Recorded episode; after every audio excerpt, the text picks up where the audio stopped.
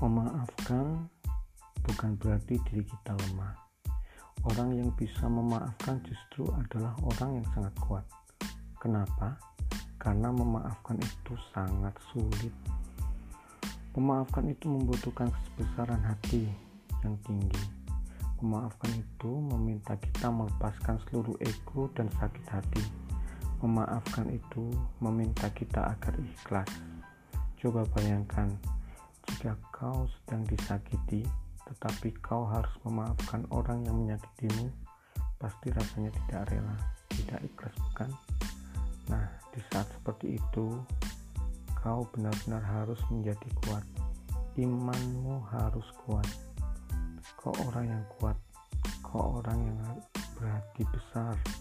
Kau jauh lebih baik dari orang yang menyakitimu.